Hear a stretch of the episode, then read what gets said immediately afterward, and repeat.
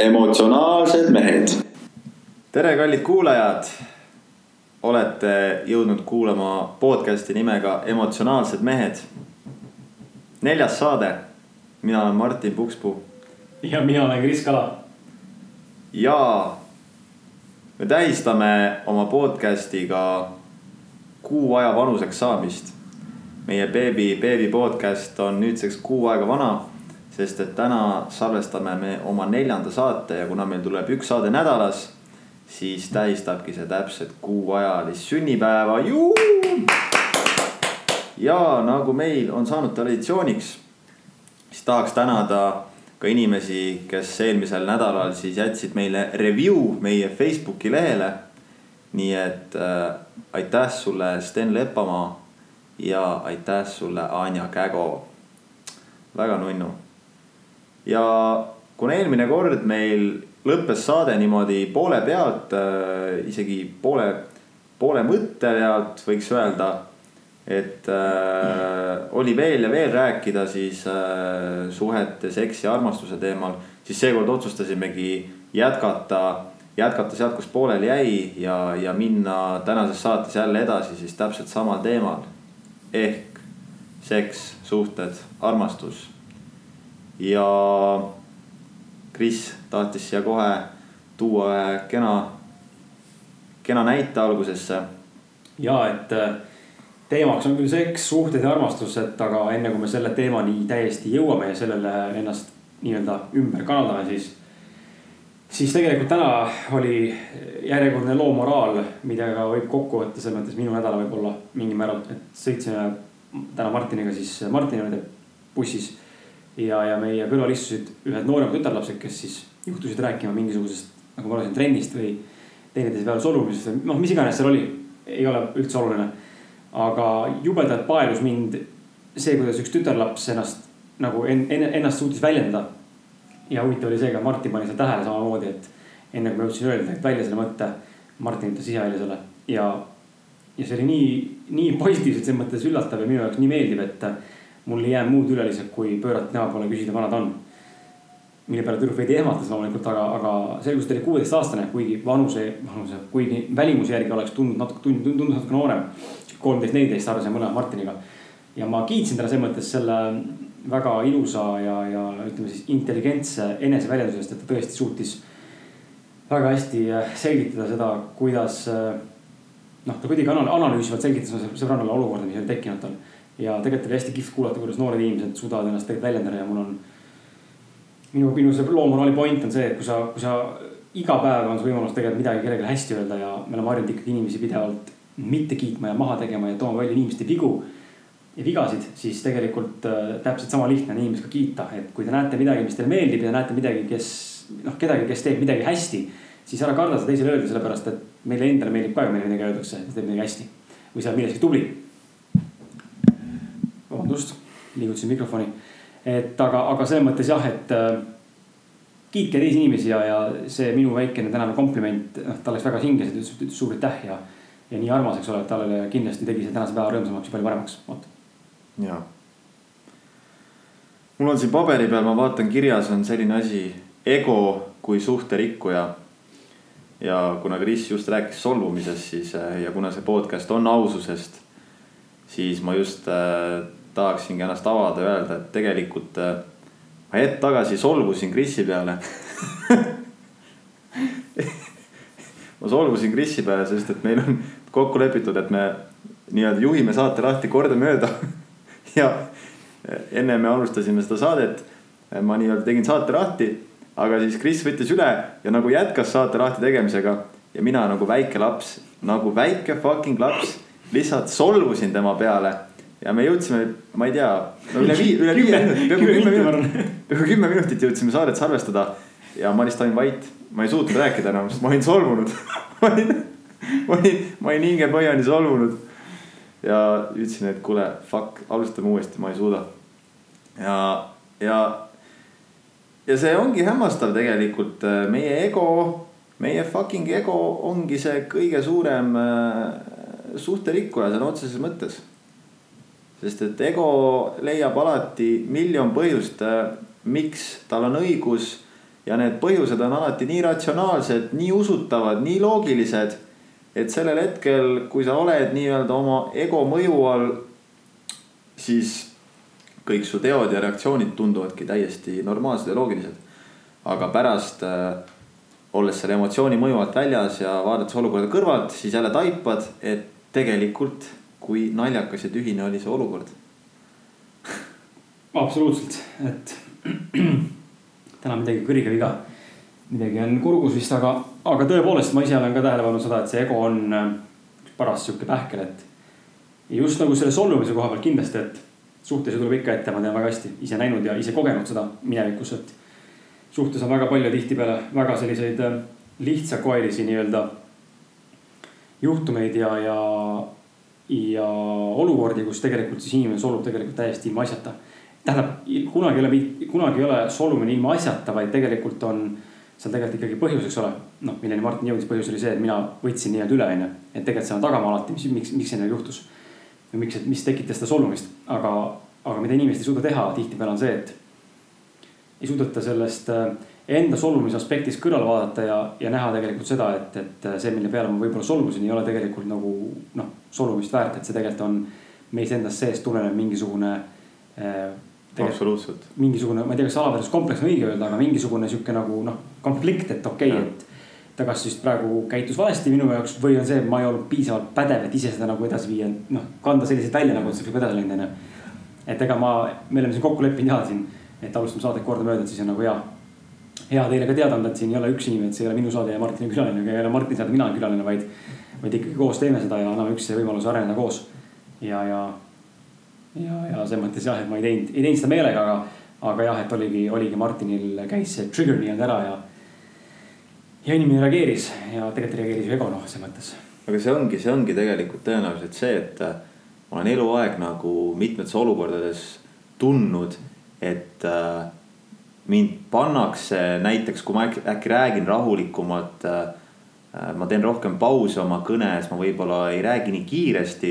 siis ma olen tihti tegelikult märganud elus seda, et mind justkui mind ei kuulata lõpuni ja kuidagi arvatakse selle tõttu, et ma rahulikuma tempoga asju teen et ma ei ole piisavalt pädev. ja kuidagi nagu võetakse juhtimine minu eest üle. ja ma olen seda väga palju nii-öelda kogenud ja see on tihti mulle ausalt öeldes väga palju haiget teinud. Sest et äh, mul on tihti olnud see tunne, et inimesed justkui nad nii-öelda hindavad mind nii kiiresti ära. selle asemel, et nagu anda mulle võimalus nii-öelda teha oma asja.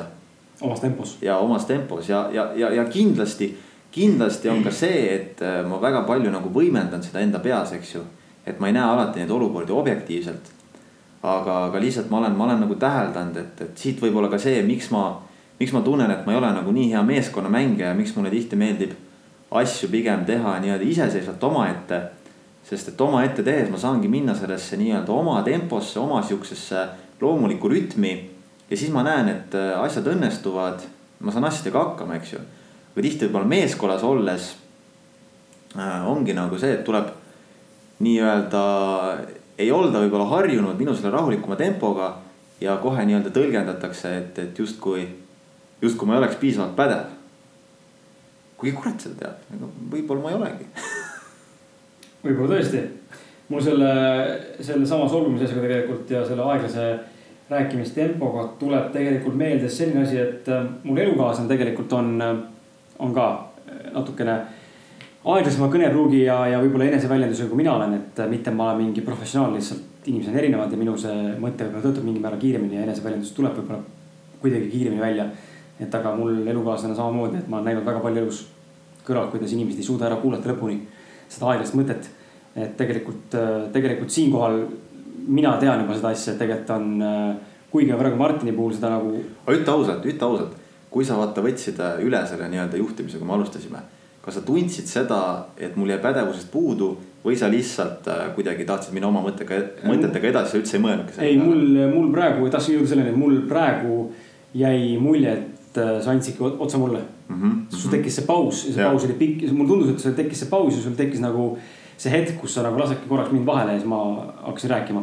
et võib-olla oli siin võib-olla oli siin, ma ei teagi, kahepoolne üksteisest erinev mõistmine võib-olla uh. -huh. aga mida ma näen ka, et noh, praegu ei olnudki see koht, aga muidu ma näen enda elukaaslase puhul küll seda, et inimesed ei lase lõpuni rääkida ja siinkohal öeldakse, et, öeldakse selle kohta tegelikult, et äh, eestlane on see, kes ei oska kuulata teist lõpuni, tahab alati endast rääkida, vahel rääkida, onju. aga soomlane on see, kes kuulab lõpuni, siis vastab, onju. Mhm. et mitte ma siin Eestis maha teen ja soomlasi, soomlasi nii-öelda ülistan, et aga sihuke kuskilt on mul sihuke lause kunagi kõrvu jäänud, et. ja, ja ma olen seda alati üritanud meeles pidada, kui ma inimestega suhtlen, et alati kuulata lõpuni, lasta inimestel rääkida. sest tegelikult see on väga oluline ja inimesed on noh, individuaaltasandil väga erinevad ja räägivad väga erinevas tempos, erineva maneeri, erineva eneseväljendusega, erineva nii-öelda siis tõesti noh, oskusega mm, -hmm. kui nii võib öelda aga jah, see on, see on huvitav teema ja ma arvan, see on ka üks põhjus, miks ma olen hea kuulaja, pean ennast väga heaks kuulajaks, on just see, et kuna ma ise olen sihuke rahulikuma nii-öelda tooniga, ma rahulikumalt räägin, ma teen mõttepause, et vahepeal nii-öelda võib-olla analüüsida läbi, mida ma nüüd ütlema hakkan. ja, ja jah, seda, seda, kuna ma olen ise seda nii palju kogenud, kuidas ma näen, et inimesed ei kuula mind lõpuni, see on mind nii palju frustreerinud siis ma olen ilmselt tänu sellele ise, ise nagu muutunud väga, väga heaks kuulajaks. aga, et äh, inimestel siin eelmine saade äkki kasvas põnevus, eks ju, et äh, pidime ju seksiga alustasime ja hakkasime rääkima armastusega seksist, äh, ilma armastuseta seksist kõik selline ja et, et äkki lähekski selle teemaga kohe edasi. ja tahaks alustada võib-olla selle mõttega, et mul on alati olnud selline tunne, et äh, kõik ümberringi on jube kõvad kepivennad kõik on, kõik on nagu mingi räiged kepivennad ümberringi lihtsalt. ja, ja, ja, ja kõik on tegijad ja kõik kestavad voodis tunde ja. ja, ja kellelgi, kellelgi ei ole mitte mingeid erektsiooniprobleeme mitte kunagi olnud ja kellelgi ei ole enneaegset seemnepurset ja kõik teavad kõiki naise magic button eid ja ja nii edasi, nii edasi, et äh, mis sina arvad, kas nüüd ümberringi vaadates on sul jäänud sarnane mulje või, või kuidas, kuidas sulle tundub? ja see on hea, et sa küsid, sest et tegelikult see on, äh, tegelikult see on teema, mis on tegelikult mingil määral tabu, üldse seks on selles mõttes tabuteema ja veidi samas väga põnev teema, eks ole, inimeste jaoks. ja me ühtaegu nagu tahame rääkida sellest, samal ajal me keegi ei julge, sest et see on asi, mida nagu varjatakse, aga me kõik teeme, onju. et noh, vabandust, ma, ma parandan ennast, teevad need kõik, kes on selleks nagu valmis ja kes sellega tegelevad ma ei pidanud silmas La,. lapsed. lapsed päris idee onju, et aga võib-olla vale. vana, vanainimesed. vanainimesed küll ei suuda. et vale võib-olla sõnakasutus, aga saite mu mõttest aru. et see on umbes sama võrdväärne on minu meelest seksist rääkimine, kui on äh, sital käimine. eks ole, et me käime siit, kõik me käime sital ühtemoodi, situme, peeretame seal, röövitseme onju ja tuleb vedelat, tuleb tahket onju. ja perset pühime kõik ühtemoodi paberiga, aga keegi sellest rääkida ei julge onju et äh, siin ei ole mitte midagi, mida varjata, see on inimloomus ja, ja kuidas sa muidu siis välja ütled, et sa et tüdruk läheb vetsu, siis ta ei tule lillelõhnaga sitt ja see sitt haiseb ühtemoodi, mis siin varjata siis. minu nagu hästi huvitav on nagu näha seda, kuidas seksiga samamoodi. inimesed tihtipeale varjavad seda tegelikku, tegelikku olemust, eriti meesterahvad just. muidugi naised panevad ka kõvasti juurde. ma tean, et naised panevad väga palju juurde valetades partnerite kohta, et oi, ta oli sihuke kepivend ja, ja nii hea ja tegelikult võib-olla üldse ei kaifinud onju, et minu isiklik kogemus on täpselt sama, mis Martin ütles just, et mul on ka jäänud vahepeal mulje, ma olen küsinud ka oma elukaaslase käest, kes kinnitab mulle mitte, et ta mingi ekspert oleks, aga kinnitab mulle enda eelmiste kogemuste põhjal või üldse nagu nais, naisfiguurina. et see päris nii ei ole ja minu arvamus on olnud ka eh, vahelduva eduga see, et ikkagi tekivad need mõtted sellest, et mis kuradi vend ma üldse olen. et nagu kõik ümberringi tunduvad siuksed nikuvennad olevat et lihtsalt tukivad seal päevi ja päevi, nädalaid onju ja, ja okei okay,, see on ekstreemsus, ma toon, läksin praegu meelega no, üle, üle, üle võlli, aga. et on see püsivad vastu mingi neli-viis tundi onju ja, ja ma ei tea, enam-vähem rahuldavad naist mingi kakskümmend korda ühe jooksul onju, no. reaalsus, reaalsus, saate aru, meesterahvad võib-olla tõesti seal sajast üks on selline, kes suudab kuidagi, kuidagi on noh, et suudab onju, aga üldiselt ikkagi. see ei ole päris nii, et ma olen aru saanud sellest, et äh, ikkagi kõigil meestel juhtub seda ja tegelikult ei ole, tegelikult ei ole äh, mehel midagi nii kõva kepib vennad, mäletan väga hästi, kui noorem olin, siis väga paljud noored äh, ümberringi olevad sõbrad siis noh, nooremas eas pubekaeas siis rääkisid ikka sellest teemast, et. oh ma tegin nii ja naa ja teeks nii ja naa naisega ja panen seal nurga alt siit positsioonis ja.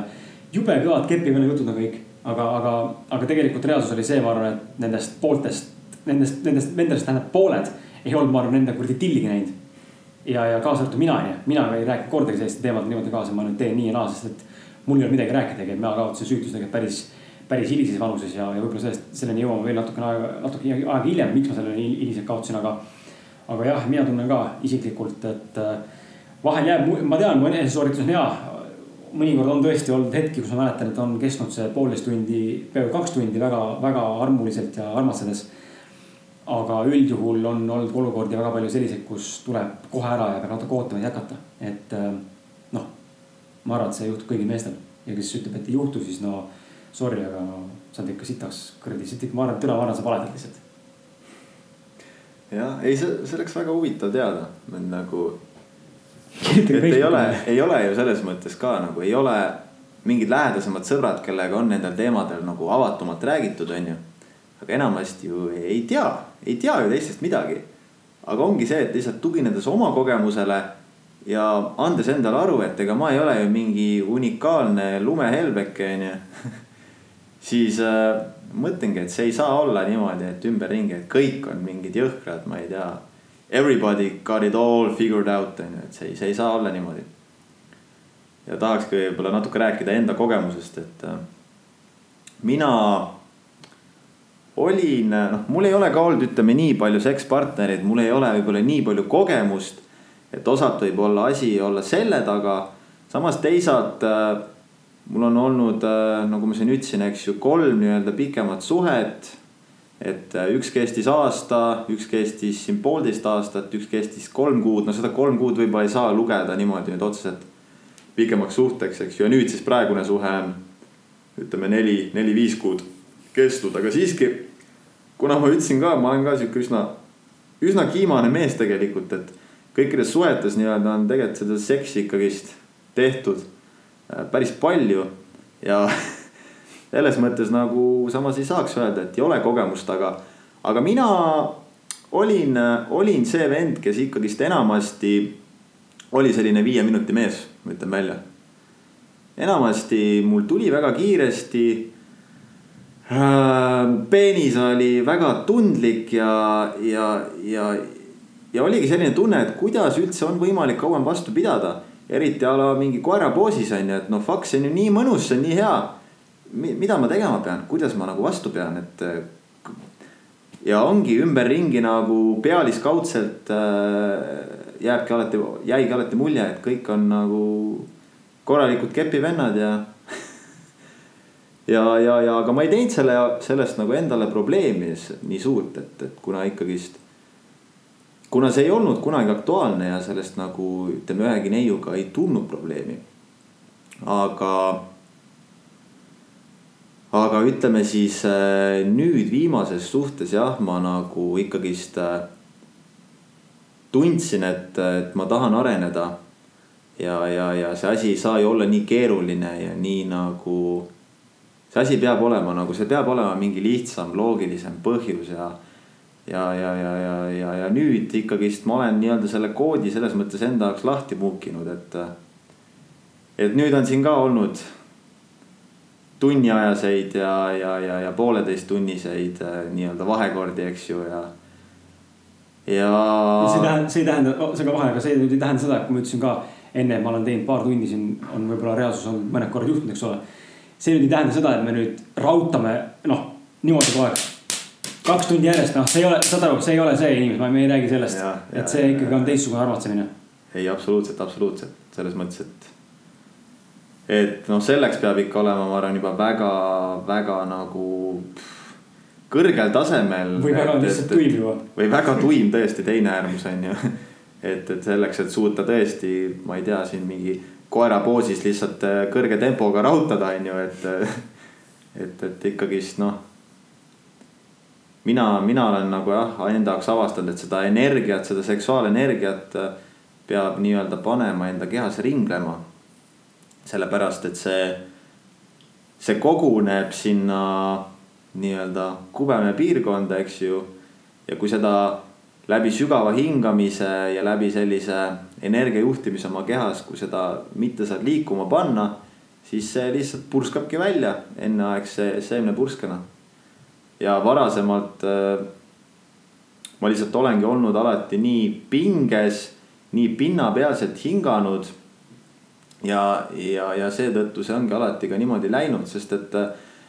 ja kust see tuleb, see kõik ju tuleb tegelikult sellest, et äh, kui me olime pubekaealised, hakkasime pihku panema, eks ju. hakkasime pornot vaatama, siis äh, alati oli ju see hirm, et äkki ma jään vahele, äkki keegi tuleb koju.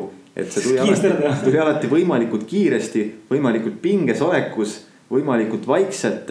tasakesi tuli see asi, see tegevus, eks ju, lõpule viia ja sealt ongi tegelikult jäänud see muster sisse salvestunud, et siis, kui me jõuame siis nii-öelda sinna ikka, et me hakkame seksima reaalselt naistega. siis me lihtsalt hakkamegi kordama sedasama mustrit. vähemasti, jah. mille me iseendasse kodeerime tegelikult eelnevalt. just, vähemasti paljud meist. Ja, ja, ja ma arvan, et mina, mina tegingi täpselt sedasama. et alles nüüd, kui ma teadlikult selle teemaga hakkasin tegelema, siis ma sain aru, kui palju ma, kui pinnapealselt ma hingan seksides kuidas ma ei lase endast nagu, sest et muidu on jah, see naised häälitsevad, eks ju, aga mis me mehed ju häälitseme samamoodi, kui sul on hea. sa samamoodi teed häält, noh muidugi sa ei tee häält nagu mingi naine, eks ju. aga samamoodi lased nagu kõik seal endast välja, on ju. Juba see aitab lõdvestuda, juba see aitab sügavamalt hingata. ja, ja see kõik aitabki seda energiat endast paremini juhtima panna. pluss siis muidugi tempoga mängimine äh, kiiruse nii-öelda muutmine on ju ja, ja, ja kõik see, et. aga lihtsalt äh, tahakski nagu võib-olla panna kõikidele meestele südamele, et. Äh, et see kõik on normaalne, ma ei tea, erektsiooniprobleemid, äh, kiire tulemine, kõik see on, kõik see on normaalne ja loomulik ja kui keegi veel on, on võib-olla tundnud nii nagu mina, et kas ma olen mingi ainuke vend, kes sihukeste asjadega tegeleb, siis ei ole. ja hea uudis on see, et seda kõike saab muuta. seda kõike saab. Äh, kui sa oled viie minuti mees, nagu mina olin, siis sa võid saada tunni aja meheks vabalt ja väga kiiresti. minu nii-öelda progress on toimunud uskumatult kiiresti.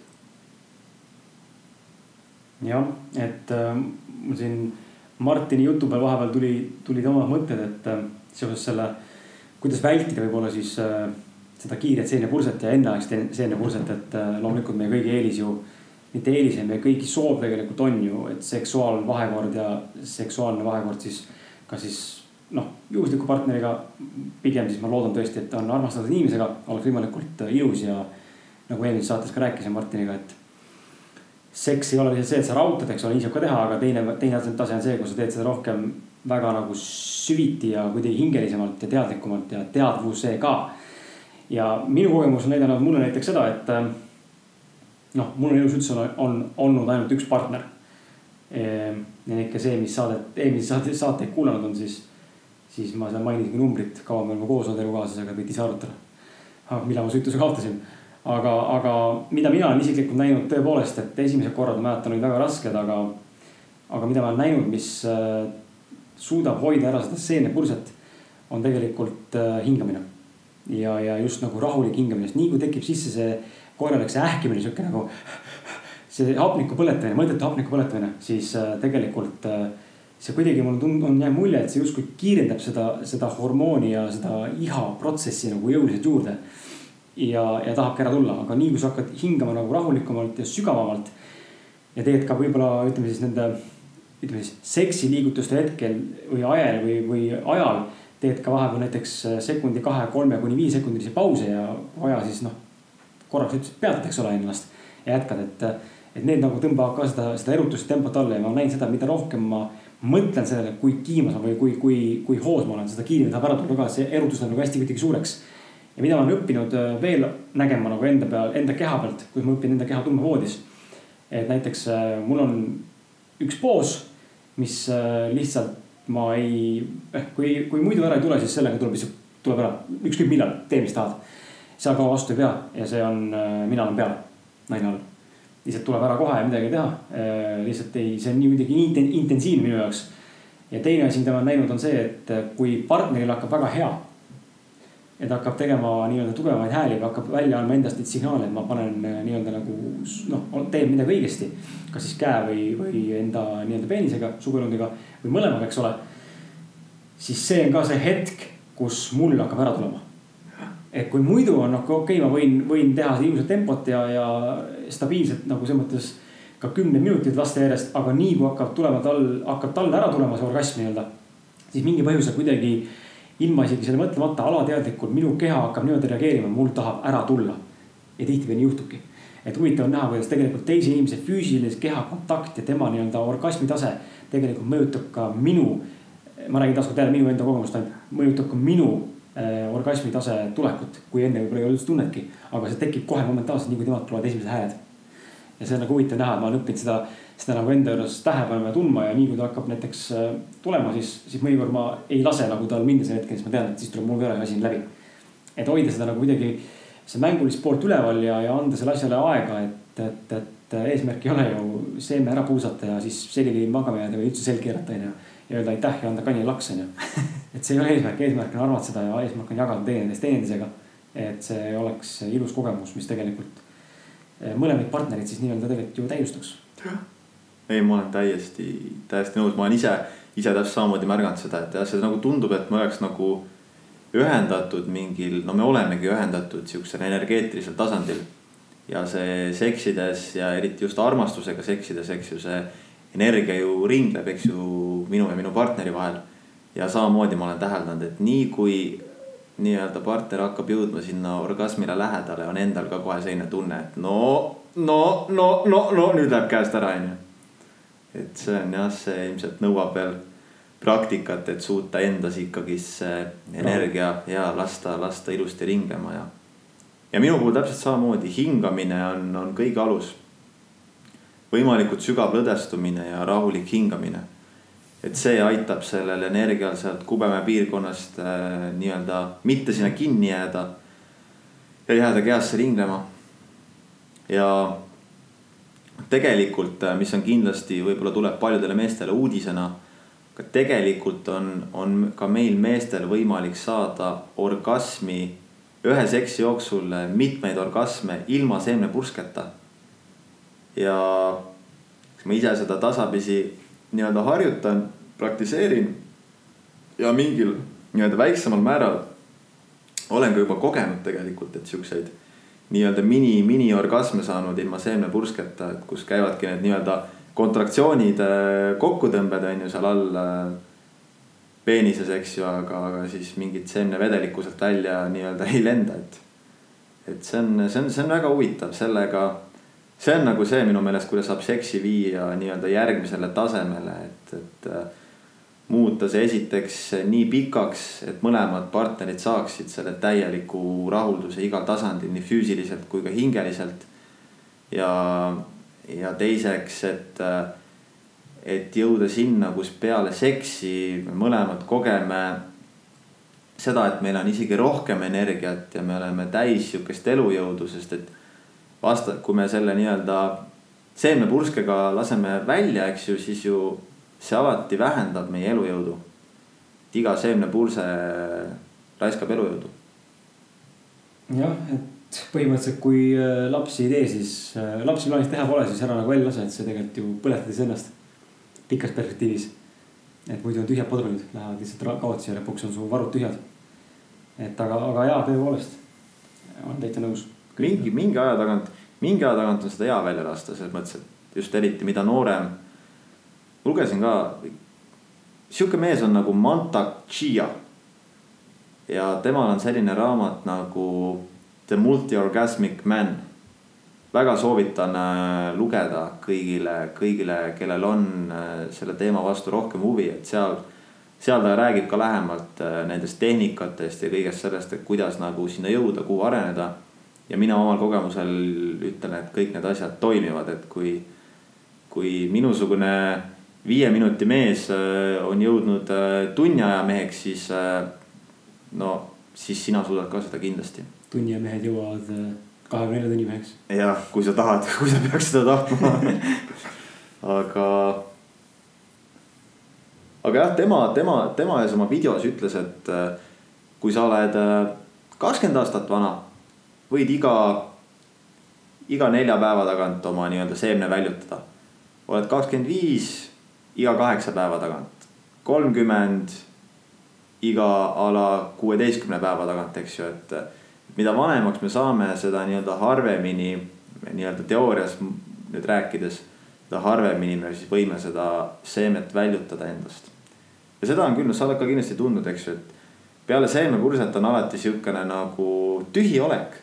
Ja ei soovi enam, ei ole enam seda kirge, seda tahtmist oma naist vallutada. ja lihtsalt lebad, eks ju, seal kõrval ja on selline, selline jah, nagu rahuldatud, aga samas tühi olek, et.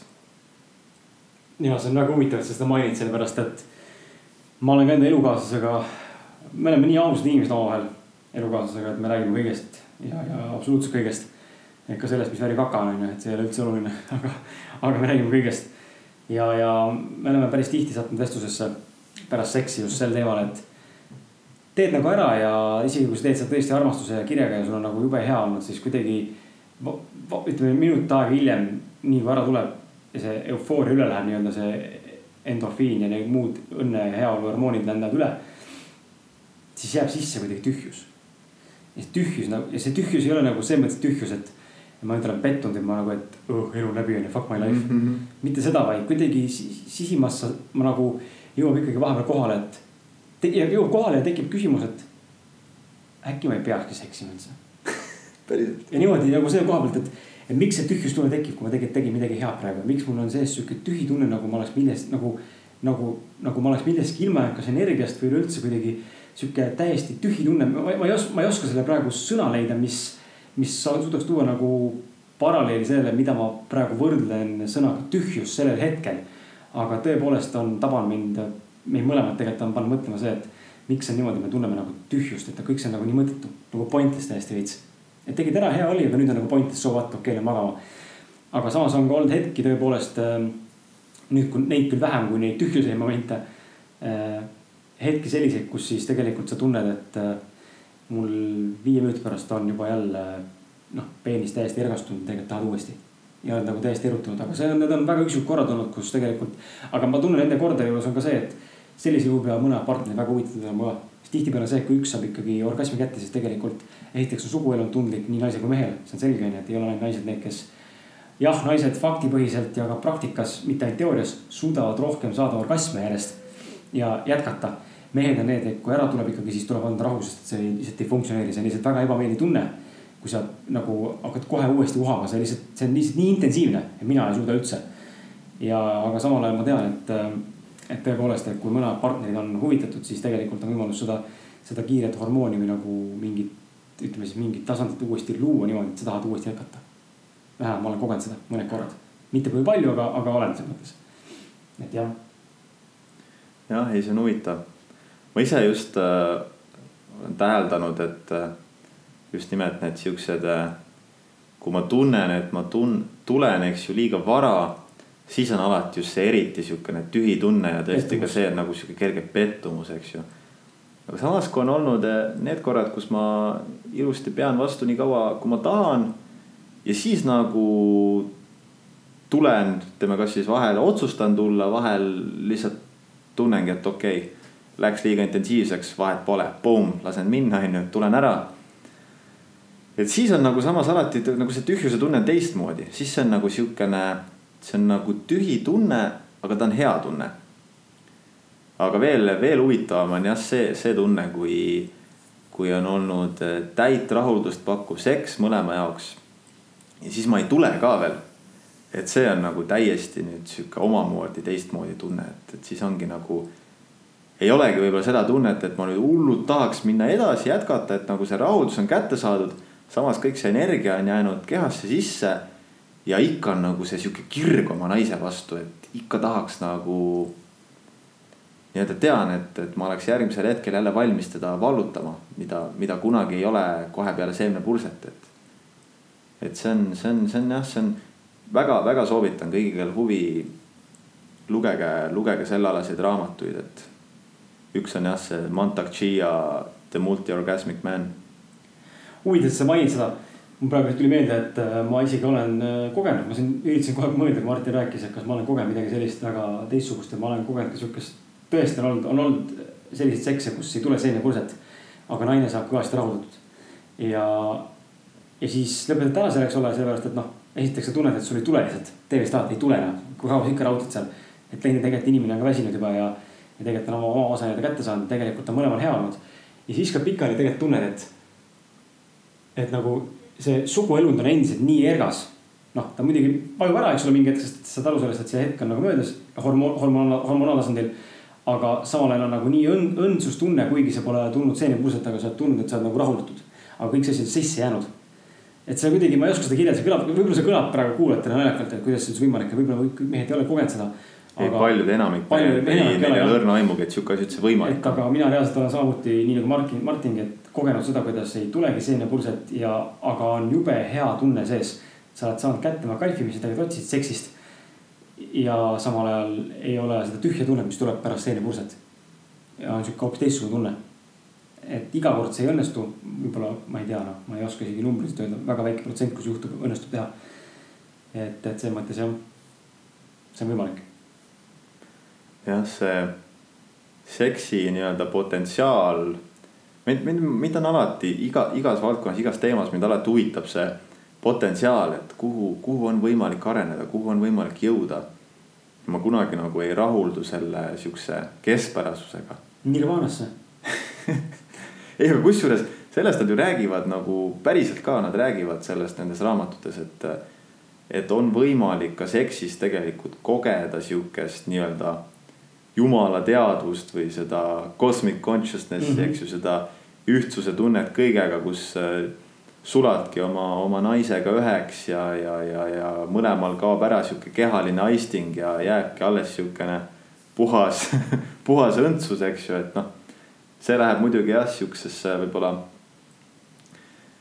siis äh, ütleme valdkond, mida võib-olla enamik mitte kunagi ei koge, aga siiski rääkides sellest potentsiaalist, siis äh, see on noh, omast kogemusest näen nagu, kui palju minu jaoks see kõik on muutunud, et ikkagist, kuhu on võimalik jõuda läbi, läbi, läbi selle seksides armastusega ja kasutades neid tehnikaid ja pannes seda, seda energiat äh, oma kehas ringlema ja õppides saama neid orgasme ilma seemnepursketa äh,.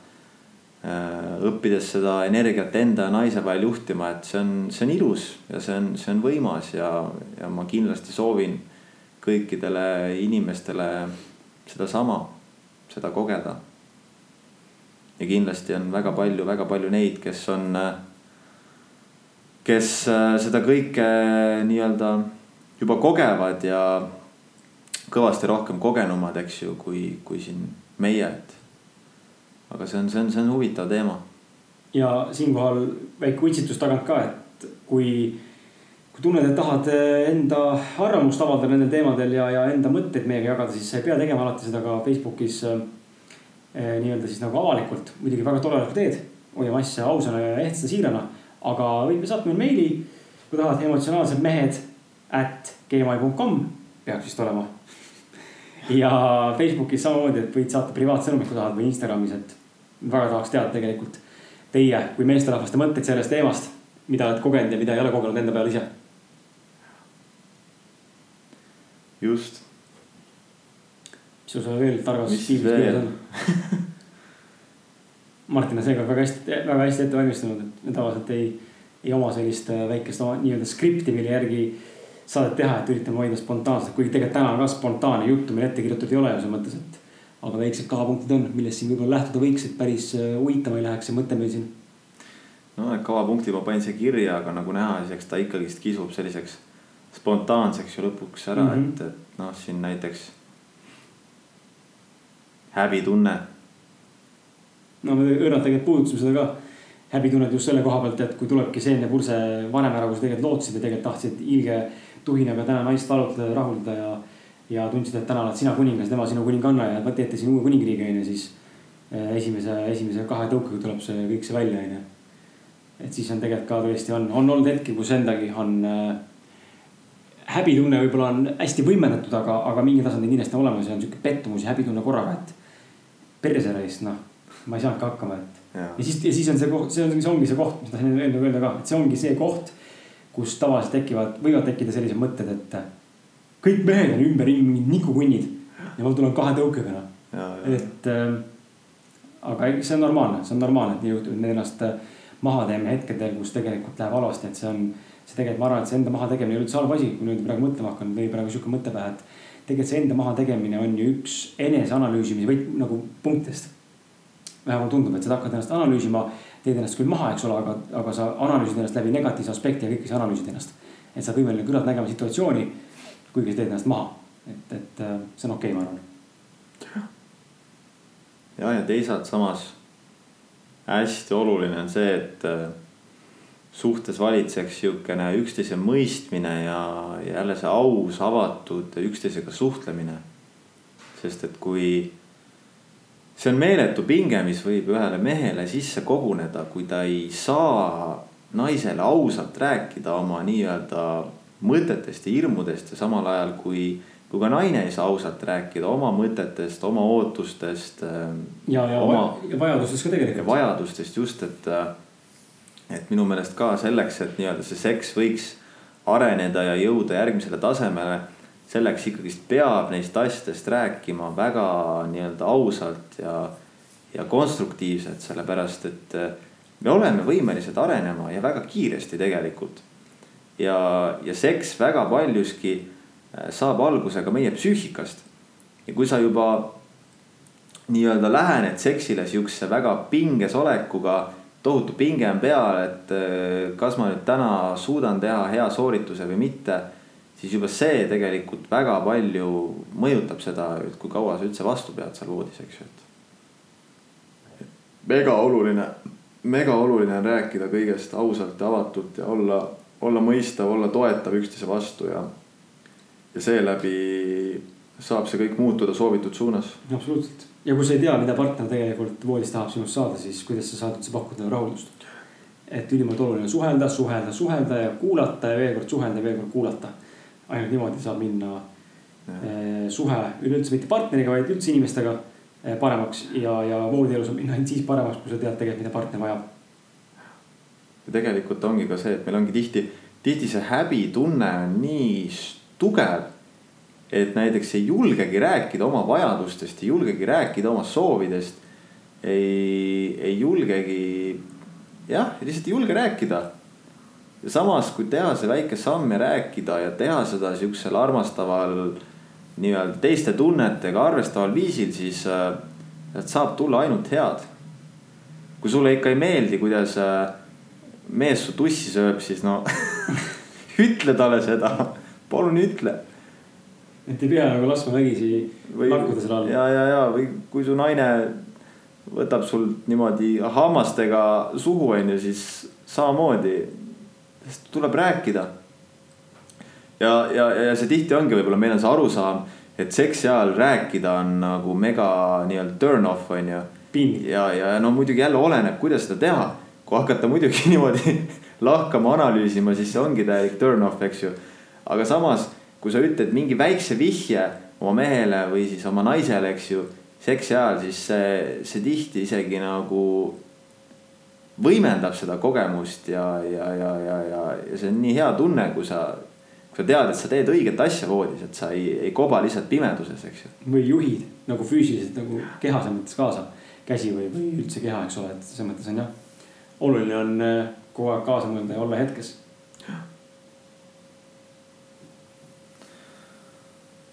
jaa, millest algab hea suhe? ei, me tegelikult eelmine saade tegelikult, äh, kui suhtest rääkisime, siis natukene võib-olla põgusalt ka puudutasime seda teemat, aga, aga ma vastan Martini küsimusele võib-olla niimoodi, et. oot, tegelikult enne kui me äkki lähme selle juurde. Sorry, et ma vahele segan, aga vaatan, sul on seal telefonis lahti see üks teema, millest sa tahtsid rääkida. ja ma tegelikult ootasin sellest, et sellest rääkida, ma sattusin täna, võimegi rääkida selle ka tegelikult, ma natuke loen ette mõned lõigud, siis ma väga pikalt ei tee seda, aga mõned olulisemad punktid, mis ma nagu nägin ja millest me saame Martiniga ise rääkida edasi teha veel. sattusin täna ühte artiklit lugema ja artikli nimi on Miks on seks paljude meeste jaoks kinnisidee ja kuidas on ühiskondlikud normid võtnud meestel võimaluse kogeda puudutusi. ja tegelikult see läheb täpselt meie auku, et emotsionaalsed mehed, eks ole, ja, ja tänane teema seks, armastussuhted, et siin äh, ütleb niimoodi, et äh, see autor siis on mingisugune mees, kes on olnud äh, mingi teadlane, psühholoog. Ta teinud uurimuse välja, uuringu, selle põhjal on öelnud siis äh, mingisugused väited ja ta alustala selle uuringul on olnud siis see, et kui me vaatame väikest itat ja kui me ei teada sugu, siis me suhtu-, suhtume sellesse väga neutraalselt. aga nii kui me saame teada, et kas on tüdruk või poiss, siis meil tekib mingisugune perspektiiv ja mingisugune selline mõttemall ja muster, et kuidas me suhtume, millised on meie hoiakud, millised on meie ootused. ja, ja mida peaks siis see tüdruk või siis poiss, eks ole, vahepeal mis vanusest on, juba tegelikult ea, eos ette nagu tegema. ja siin kirjutatakse niimoodi, et äh,, kirjutatakse niimoodi kalduvust isolatsiooniks luuakse varajasest lapsepõlvest alates. poistele õpetatakse olema iseseisvad ja tugevad, seda aga turvalise kiindumussuhte hinnaga. Kui neil on õnne kasvada mõistvate vanematega, kes julgustavad ka pehmemaid iseloomuomadusi, siis narritakse neid koolis tüdrukuteks ja tallalusteks. lähedased suhted teiste poistega tähendavad aga alati riski, et neid narritakse oma soo, oma soo iharateks ning see võib isegi vägivalda kaasa tuua ühiskondlik homofoobia on nii tugev, et poisid ei julge oma sõpru kallistada, samas kui tüdrukute vahel on see täiesti normaalne, lubatud, isegi julgustatud. ja, ja, ja korra võtan, lähen edasi siit. See on siis kolm, neli, viis. et näed, siin kirjas sihuke et tunnete allasurumine. me just rääkisime Martini tegelikult eelmises saates ka sellest ja üldse oleme tegelikult siin eelnevate saate jooksul rääkinud tunnete allasurumisest, eriti esimeses saates, kui oluline on tegelikult tunnetest rääkida. ja siin kirjutab niimoodi, et laste jaoks on loomulik reaktsioon otsida abi ja lohutust, kui nad on silmitsi füüsilise või emotsionaalse valuga. teise inimese armastav tähelepanu on vajalik selleks, et julgeksid kurbust ja valu tegelikult tunda ning siis sellest terveneda. kasvades üles isoleerituna, ei julge poisid paluda emotsionaalset tuge. Neile edastatakse pidevalt sõnumit, et tunnete väljanäitamine ei ole sobiv ja tõelised mehed ei nuta. poistel ei lubata tunda hirmu, vaid julgustatakse tegelema erinevate mehiste aktiivsete aladega, mille puhul hirmu nähakse nõrkusena. surudes alla hirmu, valu ja kurbust vähendavad nad oma võimet üldse emotsioone kogeda, sealhulgas ka rõõmsaid tundeid. nii aina suureneb lõhe teiste inimestega. ja, ja tegelikult me noh, see ühiskond, me näeme seda, kuidas tegelikult ju niimoodi see, eks ole, on, onju. ja lisaks on kirjas, et lisaks emotsioonide allasurumisele õpetatakse meestele ka oma kehaga kontakti kaotamist. mida me tegelikult Martin just räägime, tegelikult oluline nende keha kuulata. ja õiged mehed jutumärkides ei kurda valu, väsimust, nälga ega külma poistele õpetatakse ignoreerima nende oma keha sõnumeid või isegi vigastusi ning jätkama sellise näoga, nagu poleks midagi juhtunud. nii õpivad mehed töötama kurnatuse piirini ja üle selle, olgu tegemist vaimse või füüsilise tööga. elus olemise ja enda keha tajumise sensuaalne tunne, oma meelte poolt edastavate info, info nüansirikas tabamine ning täie rinnal hingamine on omadused, mida peetakse meeste jaoks ebasobivaks. sensuaalsust asendab rutiin, kaduma on läinud õndsus, leebus ja õrnus olles sündinud kehadesse, millel on imeline võime tajuda, oleme sunnitud ennast sulgema ja tuimust aktsepteerima. ja see on tegelikult nii, see on nii hästi kirjutatud, see on nii haige lihtsalt. kuidas tegelikult ühiskond tegelikult surub sellele, kui sa kedagi kallistad, siis sa oled pede. kui sa julged öelda teisele mehele, et sa näed hea, hea välja, siis sa oled pede. Kui sa julged näidata emotsioone, siis sa oled lihtsalt pussi, sa oled kusiks, sa oled nõrguks, sa oled emotsionaalne lits onju. kust, kuidas see üldse võimalik on, me oleme emotsionaalsed inimesed, miks me peaks näitama enda emotsioone? minu jaoks on just see, vastupidi, kui sa ei näita enda emotsioone, siis sa oled ikka kuradi suur sitane sitapäras lihtsalt. sa kardad raisk olla see, kes sa tegelikult oled.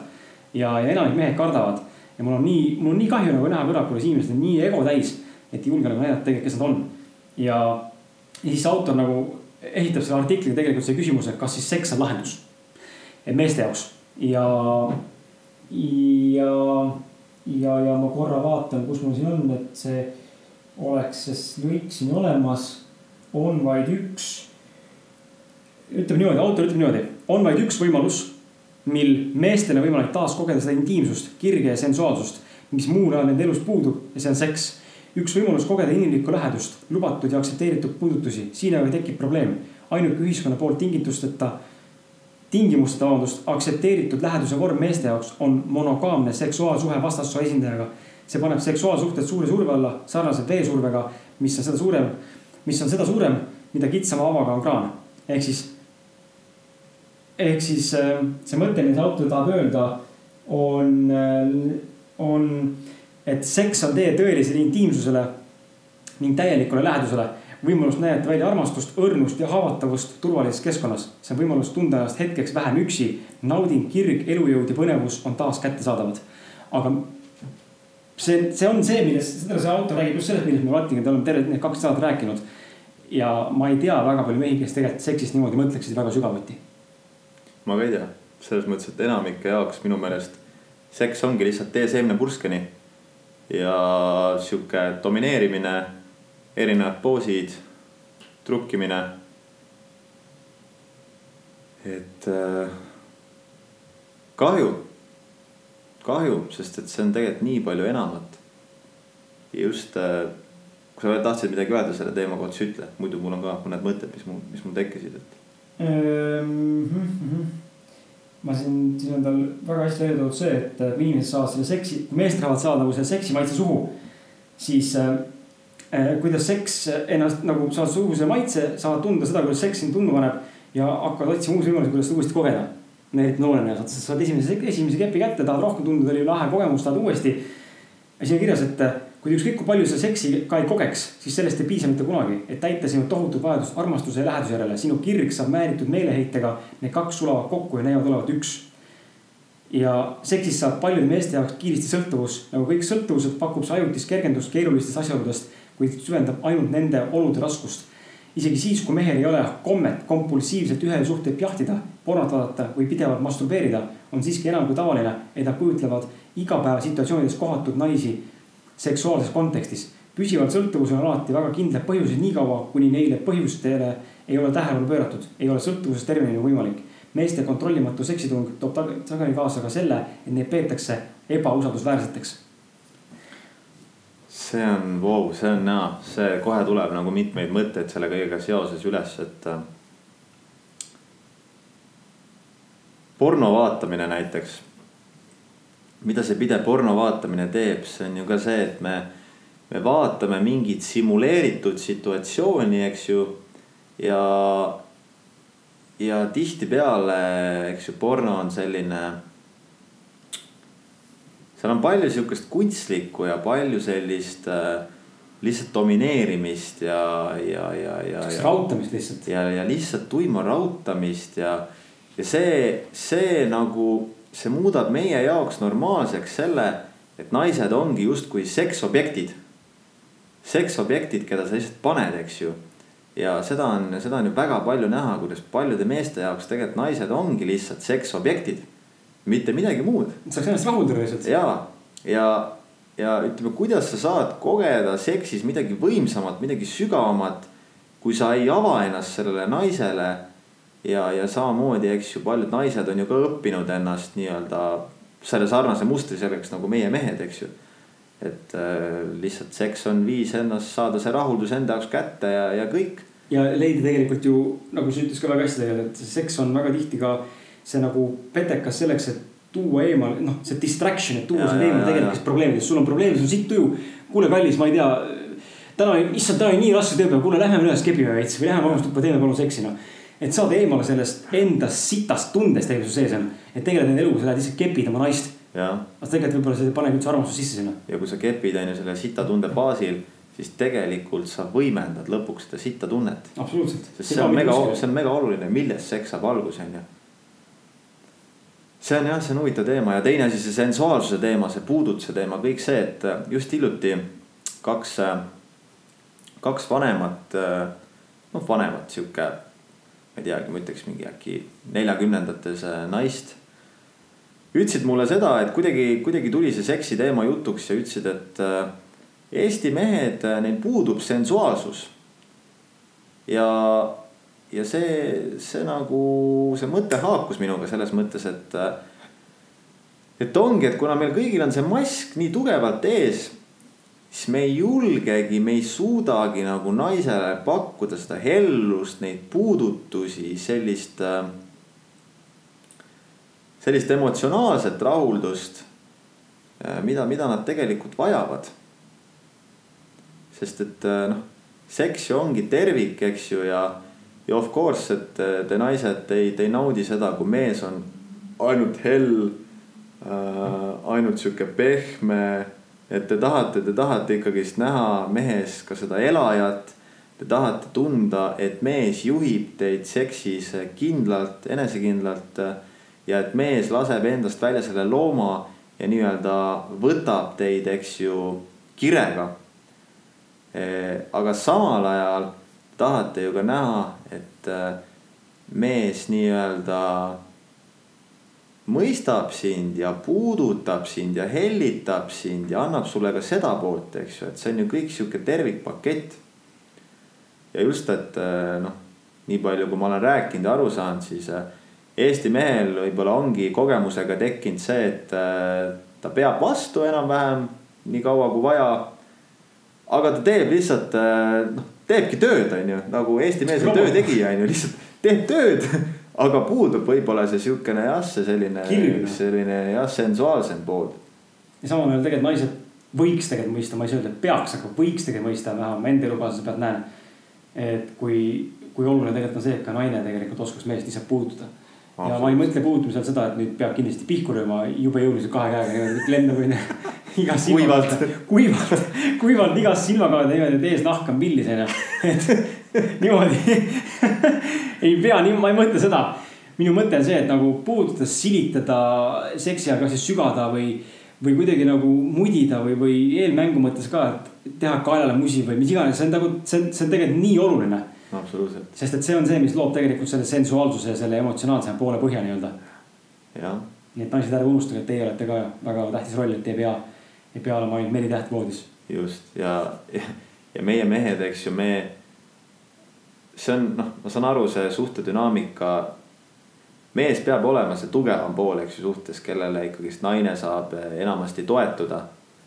aga vahel vahel lihtsalt me mehed oleme nii fucking nõrgad. et me vajame seda, et mingitel üksikutel hetkedel oleksite meile nagu ema eest. Ja, see on, ja see on tõesti üksikutel hetkedel, ma saan aru väga hästi sellest, et äh, pikemas perspektiivis see lõhuks suhet ükski naine ei taha tunda, et äh, tal on nagu mingi poeg, onju. mökumees. mökumees, onju. mees peab olema see tugevam pool, see on selge, see on, see on loogiline ja, ja kui me mehed elame seda elu ausalt ja järgime oma sisetunnet, siis me ka oleme sellised. aga mingitel hetkedel me kõik, äh, meil on rasked hetked ja me vajame seda, kus lihtsalt äh, lähed ise naisele kaisu ja, ja nagu tõesti tahad tunda seda, et, et sind lihtsalt hoitakse korraks. et äh, naised, kes te kuulate, siis teadke, et mingi, mingitel hetkedel mehed vajavad seda. heljust. jah absoluutselt, võib-olla kõike vaja, ma ei tea, võib-olla mõni on nii suure kõva koorekihi endale ümber ehitanud, et tegelikult noh, tegelikult ta vajab, aga nagu ta on ennast niimoodi ära petnud, et äh, see deception on nii suur, et ta on selle välja lülitanud. Et nagu siin just see artikkel kirjutas ka, et mehed lülitavad need emotsioonid välja ja kasvavad üles robotiteks ja vihasteks härgadeks. kes emotsioone ei tunne ja käsi on umbes, ma ei tea, lahtine luumurd, siis pigistan silma kinni ja nii edasi. pohhu lähed jõusaali. jah, pohhu lähed jõusaali. surud maks, maks rinnalt surud maks rinnalt, käsi otsast ära, et las ta olla et ripub seal saali põrandal. see ei ole päris nii jah, et et, et minul kindlasti mitte, ma arvan Martiniga mitte, et me oleme ikkagi emotsionaalsed mehed ja, ja vajame seda tuge aeg-ajalt saada ikkagi päris tugevalt. Mis sul seal targas piiris ja kirjas on? mis mul siin kirjas on seksi kohta tegelikult ei olegi niimoodi. me oleme päris pikalt täna seksist jahunud tegelikult ja päris asjalikku juttu rääkinud ka, ma usun, et. ma usun, et siin on väga palju väärtust tulnud teile, et ja ma loodan, et loodan, et panete mõned review'd ka veel juurde kohe selle pealt juba pannud siis pane veel. pritsige review sid pritsige review'd meile noh jah, ei, eks. No tegelikult vaadates aega ka, siis meil põhimõtteliselt vist on tund siin täis ka saamas, et ma siin hetkel mõtlengi, et kas me, kas me siin, äh, tahame edasi jahuda või me, tuleb äkki kolmas osa veel sellel sarnasel teemal, et. Äh. mis siin on veel? ma võib-olla omalt poolt ütleksin äh, jällegi siit artiklist viimase lause, et on ta lõpetatud või mitte, aga siin oli väga hea point, et mis on siis nagu lahendus, et kui see seks ei ole meeste jaoks lahendus, mis see lahendus on siis?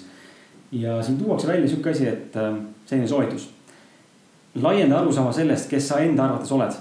kaeva üles ammu peetud tunded ja lase need vabaks. nuta tõelisi pisaraid ja naera kogu südamest, värise hirmust ja itsita ebamugavustundest. mürista meelepahaga selle ebaõigluse üle, millega sind on haavatud. ära pelga nutta õrnust, imetle, imetlusest, meie eksistentsi ilu me vajame üksteise tuge, et neid imelisi tundeid kogeda. nii et palu endale kogu seda armastust, tähelepanu, mida vajad, sest sa tõepoolest vajad seda. Me ei saa üksi hakkama ja see ei oleks, ja see ei oleks algusest peale pidanud vajalik olema. jah. ehk siis kartke nagu näidata enda emotsioone. no just, just, et. seal ei ole mõtet, see on tegelikult ennast sööbiv, nagu me esimeses osas rääkisime ka, et lõpuks kuhjuvad sinu sees ja, ja reaalselt, reaalselt noh, see ei ole mitte mingi uus info, siin on, siin on teada asi, et sisemisest stressist ja emotsioonidest ja mõtetest ja tunnetest ja kogu sellest energiast ja signatuurist, sellest võivad tekkida ka fucking füüsilised haigused. inimesed surevad, inimesed surevad depressiooni. ja, ja ma siinkohal ei taha üldse halvasti öelda, lihtsalt täna, täna selle artiklile sattusin. surevad või?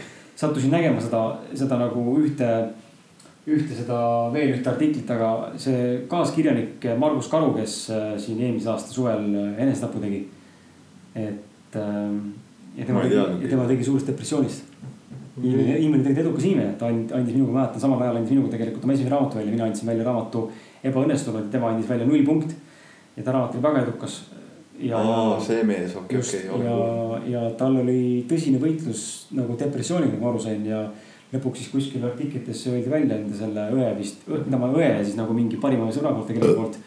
et äh, olidki reaalselt inimesel olid depressiooniprobleemid ja, ja ilmselgelt depressioon on sisemine selles mõttes sisemaailma mõtete, tunnete nagu kulminatsioon. ja, ja ma siinkohal ei tee üldse talle maha, et kahju, et inimene lahkus, aga, aga selles mõttes tegelege enda emotsioonidega. see on ülimalt oluline, sest et vastasel juhul see ei pruugi lõppeda alati kõige paremini. jah, ja selles mõttes ju.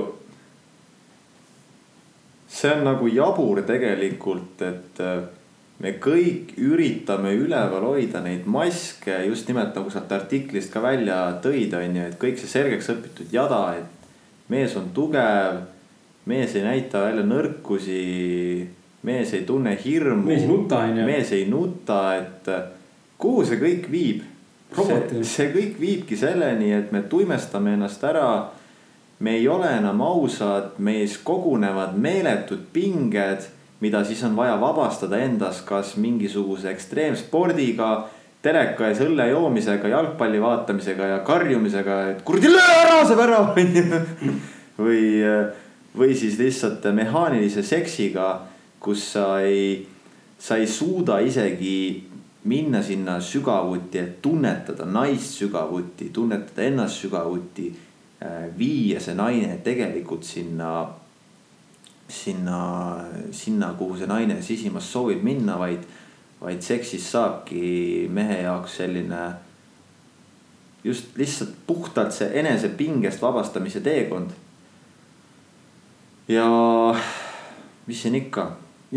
ausad, olge ausad, fuck raisk. ja nii ongi noh, ja nagu öeldakse nendes vaimsemates kontekstides, et me ei ole mitte füüsilised olendid, kes on äh, tulnud siia nii-öelda emotsionaalseid ja spirituaalseid kogemusi saama, vaid me oleme emotsionaalsed ja spirituaalsed olendid, kes on tulnud saama füüsilist kogemust. nii et ärge näidake, ärge näidake nii et näidake enda emotsioone. et äh, selles mõttes jah, ma ei tea, mis me hakkame kokku tõmbama saadet, me oleme päris pikalt ja. jahunud siin ja. ma tõmbame kokku ära selle ja, ja ma siis lõpetuseks alustan ise lõpusõnadega võib-olla niimoodi, et äh, omalt poolt, et.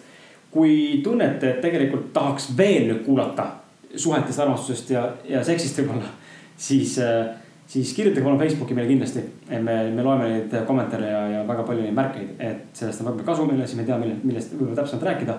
ja mis sind rohkem huvitab. aga kui ei tule midagi väga pakilist inimeste poolt, siis võib-olla me vaatame, võtame järgmise teema ikkagi ette. aga samal ajal hoidke silma peal meie Facebookil emotsionaalsed mehed ja Instagramil at emotsionaalsed mehed, kus on praegu juba kaks pilti üleval, kõva sõna ja kuus laiki ja. kuus laiki ja, kindlasti jälgige SoundCloudis meid, meil on juba seal täpselt ei mäleta, palju neid on seal üle paarikümne. ja uudisena ma tean, et juba selle nädala jooksul või hiljemalt järgmise nädala jooksul tuleb meie saade ka iTunes ülesse. nii et kui see on hetkel ootab kinnitamist. et kui iTunesi fännid olete, siis saate sealt hakata kuulama ja meie saateid saab tegelikult praegu juba SoundCloudist alla tõmmata, ma tegin selle aktiivseks. et nüüd te saate alla tirida ja saate endale panna kuskile telefoni või iganes, te ei pea enam nii-öelda raiskama seda enda teidet, enda gigasi nii-öelda, et laadige kodus wifi'ga sisse ja pange mängima. mina olen Kris Kala kirjanik ja blogija ja eneseteadlikkuse otsija. ja minuga võid olla kursis www.kriskala.com või at kriskala keskel kaks kõhhi Instagrami konto. joo, siis on veel selline asi, et kui meil väike palve, kui sinule see podcast väga meeldis, siis ole hea, soovita ühele sõbrale. lihtsalt soovita ühele sõbrale et see oleks sihuke väike meiepoolne palve selleks, et siis äh, see podcast jõuaks nende inimesteni, kellele sellest tõesti võiks olla mingit kasu. ja, ja üks inimene ei tundu nagu ulme olevat. räägi kasvõi oma, ma ei tea, sugulastele noh no keegi, kellel ikka internet on, et vanaemale, vanaemale pole mõtet vist rääkida, kui vanaema just mingi tehnoloogia guru ei ole, onju. ja jah, mind äh, saad jälgida Instagramis, at Martin Pukspuu mina siis äh, muu, muul ajal olen personaaltreener, treenin inimesi. minu teine suur kirg, inimese keha füüsiliste võimete potentsiaal ja treenid seksuaalselt ka ja sellepärast mulle vist pakub ka igasugune, igasuguste füüsiliste võimete arendamine nii palju huvi. ja jälgi mind seal. tule trenni. koduleht on? koduleht on www.martinpukspuu.ee. ja ega siis midagi. olge mõnusad ja aitäh teile. ja, ja olge tublid ja tõesti, kohtume juba järgmises episoodis nädala pärast. just, tšau. tšau, tšau